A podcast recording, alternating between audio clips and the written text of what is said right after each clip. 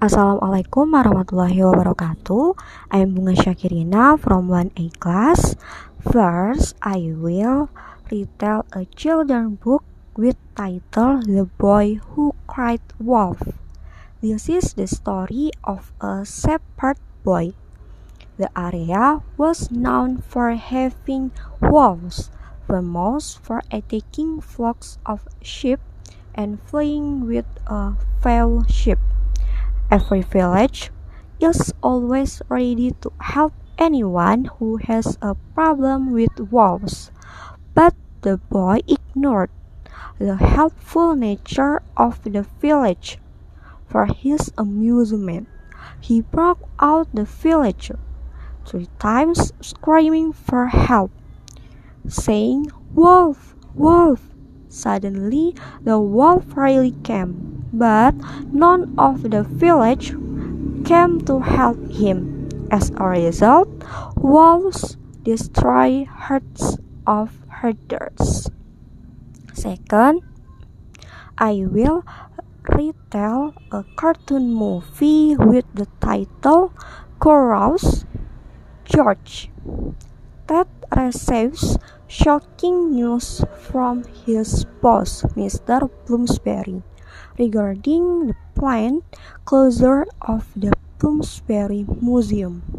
Bloomsberry was forced to take this step because his museum was running out of capital to keep it operational.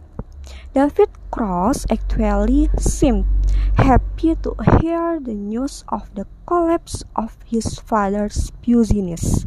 For the past few years, Junior has been eyeing the line now owned by Bloomsberry. Ted also proposes an idea that he believes can revive the Bloomsberry Museum.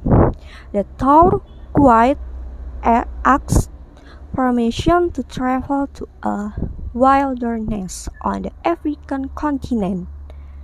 There, Ted had heard rumors about the existence of a 40 foot tall insane state.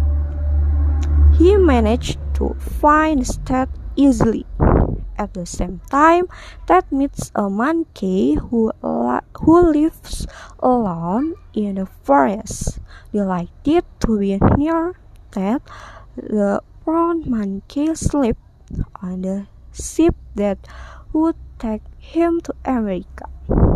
Based on the story of Curious George, we must do good to everyone, including animals, because what we plant is what we reap.